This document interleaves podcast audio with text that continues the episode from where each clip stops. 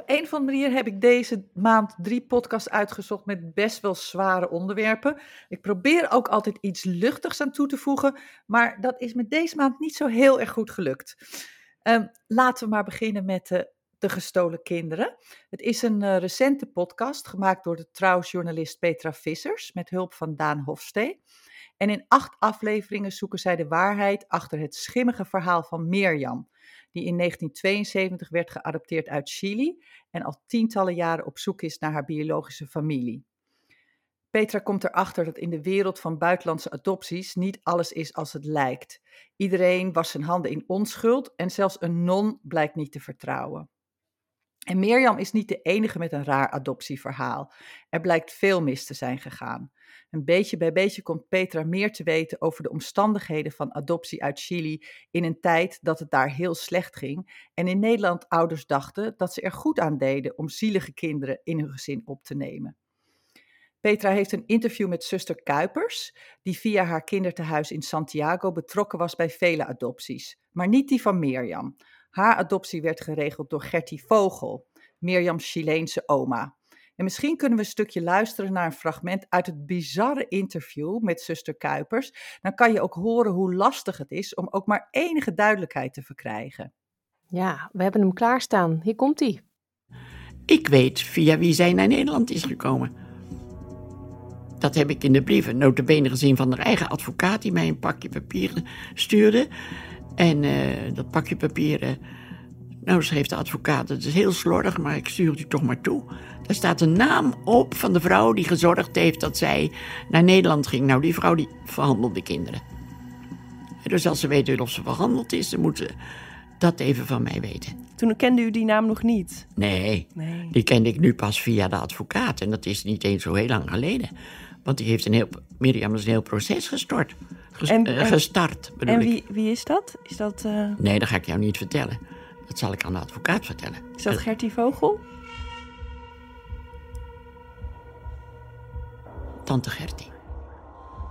Ik vond het al bijzonder om te horen dat de, de dame nog leefde, want het, het, is toch al een paar jaar geleden. Ehm, het is een uh, bijzonder figuur, hè? Ja, als je dat luistert naar dat interview, dan denk je van, nou, dit kan gewoon toch niet mogelijk zijn? Nee, inderdaad. En ze heeft overal een antwoord op en iedereen uh, liegt, behalve zijzelf. Dat klopt. Nou, omdat uh, Petra meer wil te weten komen over de adoptie van uh, Mirjam, gaat ze op zoek naar Gertie Vogel, maar die is overleden. Maar haar Chileense huishoudster, Alicia Mesa, leeft nog wel. En daarom reizen Petra en Daan naar Santiago, de hoofdstad van Chili, om haar daar op te zoeken. Ze krijgen nieuwe informatie over de relatie tussen Gertie Vogel en Truus Kuipers en ontmoeten een man die nieuw licht werpt op wat er zich in het kindertehuis heeft afgespeeld. Er wordt duidelijk hoe groot de invloed van Truus Kuipers nog steeds is en hoe het komt dat ze decennia lang deze praktijk kon uitvoeren. Als Petra aan het eind van haar zoektocht teruggaat naar Mirjam om al haar bevindingen met haar te delen, gebeuren er opnieuw dingen die niemand had kunnen voorzien.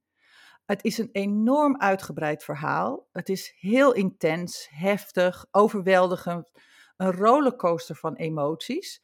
Maar het is ook spannend en intrigerend, heel ontroerend. Ik vind het fantastisch mooi gemaakt en ontzettend belangrijk om verteld te worden. En het wekte bij mij zo ontzettend veel verwondering op. En aan het einde had ik voor een paar uur een brok in mijn keel. Het thema van de podcast is dat goede bedoelingen kunnen uitmonden in slechte uitkomsten. Vele betrokkenen dachten heus dat ze het beste deden, maar dat pakte voor veel mensen desastreus uit. Het is een verhaal over identiteit, over goede bedoelingen en foute uitkomsten. Maar vooral, zoals Peter zelf zegt aan het eind, gaat het over dat de wensen van de ene vrouw zwaarder wegen dan de belangen van de ander. Ja, het had mij meteen ook in zijn greep vanaf aflevering 1. Ik heb er niks aan toe te voegen. Het is een prachtige serie. Ja, ik vond het een zeer indrukwekkende podcast. En het onderwerp vind ik ook zeer indrukwekkend. En er is ook nog een andere podcast, die heet de Adoptie Non. En die gaat over precies hetzelfde onderwerp. En hierin hoor je nog meer verhalen van door zuster Kuipers geadopteerde mensen. Er is een linkje hieronder en die kan je aanklikken en dan kan je daar ook naar luisteren. En dat geeft je nog meer informatie over nog meer dingen die niet in de haak zijn. Ja, je zei al, eh, je bent uh, vandaag een beetje zwaar op de hand, misschien qua onderwerpen. maar ben toch benieuwd wat je als tweede hebt uitgekozen. Ja, de tweede podcast die heet Vriend of Vijand. En het is een podcast van uh, Prospector voor NPO Radio 1. En in vijf afleveringen onderzoekt wetenschapsjournalist Saar Slegers de dilemma's achter het Nederlandse kennisveiligheidsbeleid. Op Nederlandse universiteiten werken wetenschappers van over de hele wereld en hun motto is kennis delen, want dan kom je verder. Maar tegelijkertijd liggen universiteiten steeds meer onder het vergrootglas van inlichtingendiensten.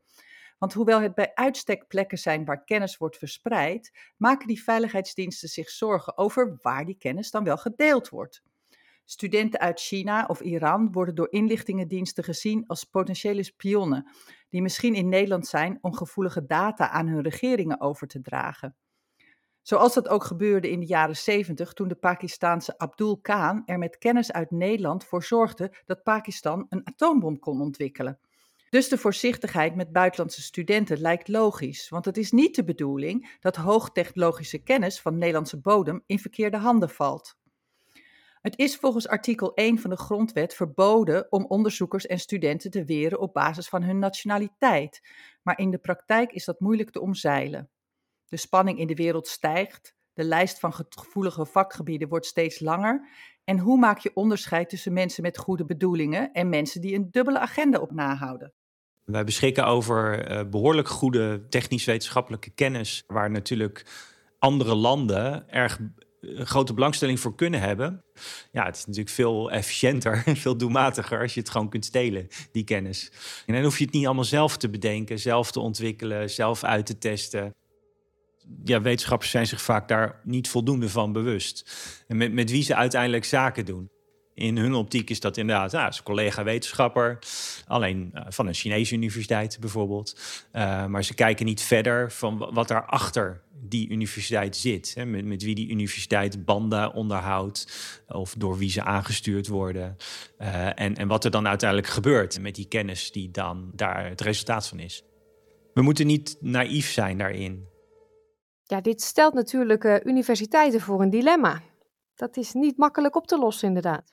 Nee, zeker niet. En minister Dijkgraaf van Onderwijs, Cultuur en Wetenschap die werkt aan een nieuwe wet, waardoor de overheid vanaf 2025 onderzoekers kan screenen die van buiten de EU komen op Nederlandse universiteiten willen werken met gevoelige kennis. Een ingrijpend plan dat duizenden onderzoekers zal raken. Saar Slegers interviewt wetenschappers en studenten die regimes in Rusland en Iran juist ontvluchten om dan in Nederland gemarkeerd te worden als potentiële spionnen. Dit toont aan hoe wreed dat beleid kan zijn. In deze genuanceerde podcast word je constant heen en weer geslingerd in de keuze tussen vrije kennisoverdracht en veiligheid. En het laat zien dat er voor zowel de wetenschappers als de beleidmakers geen eenvoudige oplossing te vinden is. Ik vind het een onderwerp om over na te denken en ontwikkelingen te blijven volgen. Niet alleen in Nederland, maar ook zeker in Australië. Ja, het is een heel interessant onderwerp. Ik heb de serie nog niet afgeluisterd, maar ben eraan begonnen. En er is ook iemand aan het woord die dan vertelt: Ja, ik werkte elke dag in kernreactor petten. En in één keer mag ik niet meer naar binnen, omdat ik Iranier ben. Wat is dat nou voor iets geks? Um, dat kan je je niet voorstellen dat je zoiets overkomt. Nee, en ik was ook echt heel erg verbaasd dat er gewoon zoveel buitenlandse studenten en wetenschappers in Nederland studeren. En dat wordt ook in het uh, podcast uitgelegd waarom dat is. En dat die mensen uit het buitenland eigenlijk heel erg belangrijk zijn voor Nederland. Dus daarom kan je ze ook niet meteen uitsluiten. Nee, nee. Dilemma's. Absoluut. Want ik snap ook het risico. Ja, ja, zeker. Er is ook een risico. Ja. Mooi. Ja, je derde en laatste podcast, de titel geeft niet veel weg, want die heet De Ondergrond. Nou ja, welke kant gaan we op? Naar beneden? ja, gelukkig heeft de laatste podcast een iets lichtere toon. Uh, het, het, is uh, de podcast De Ondergrond van Sam Raalte. En van een ketamine-experiment in een Leids ziekenhuis, een vrouw die gezocht wordt door het OM vanwege een psychedelische Afrikaanse wortel de mysterieuze dood van een Koreaanse diplomaat, een talentvolle Nederlandse rapper en een Hagenees die vocht tegen IS. Het komt allemaal voorbij in deze podcast. Uh, Sam Raalte neemt je mee in zijn zoektocht naar mysterieuze, spannende en waargebeurde verhalen. De verhalen zijn persoonlijk, dicht bij hemzelf, maar hebben vaak ook een bredere culturele component. Deze eerste serie heeft acht episodes van tussen de 30 en de 45 minuten. Alleen de laatste aflevering is anderhalf uur. En ik kan ze echt allemaal aanbevelen. Ik moest wachten tot er elke week een nieuwe aflevering kwam, maar ze staan nu allemaal online, dus je kan ze nu ook lekker bingen. De verhalen zijn interessant, verrassend, ontroerend en soms ook grappig. En het is natuurlijk weer heel moeilijk om te kiezen waar ik het meeste van onder de indruk was, maar dat was toch het verhaal van Andok. Mijn naam is uh, Andok.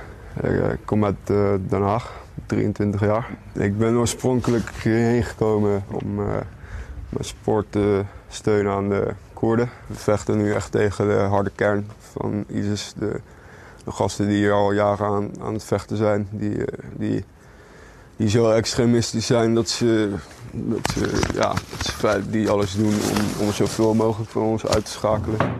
Ja, ik denk meteen, wat doet zo'n jongen daar als je in Den Haag woont? Ja, ik vind dit verhaal dus echt een heel goed voorbeeld van de waarde van het medium podcast. Door de lengte kan er diep op een onderwerp worden ingegaan en word je helemaal ondergedompeld in een andere wereld en kan je verplaatsen in levens van andere mensen. Je kan begrijpen en je kan leren en ja, ik vind het super mooi en ontzettend waardevol. Ik heb deze nog niet gehoord, dus uh, ik moet uh, aan de bak, ik moet luisteren. Ja, en uh, misschien komen er nog wel meer, maar ik denk dat voorlopig deze zeven afleveringen de laatste zijn. Ja, nou, en bij deze is het wel mooi dat je volgens mij ook gewoon kan luisteren welke volgorde je wil. Als je denkt, oh, vandaag heb ik geen zin in dit onderwerp, maar wel in die, kan je gewoon van volgorde wisselen. Hè? Ja, ja, dit zijn allemaal losse verhalen, dus je kan kiezen waar je zin in hebt. Nou, alle informatie met linkjes ook naar de websites waar deze series te luisteren zijn, staat op onze eigen website www.sbs.com.au Dutch. En dan uh, wachten we weer tot volgende maand, Eka, want dan uh, verwacht ik drie nieuwe. Ja, ik ben er alweer mee bezig en uh, ik geniet ervan. Wij ook, dankjewel. Graag gedaan.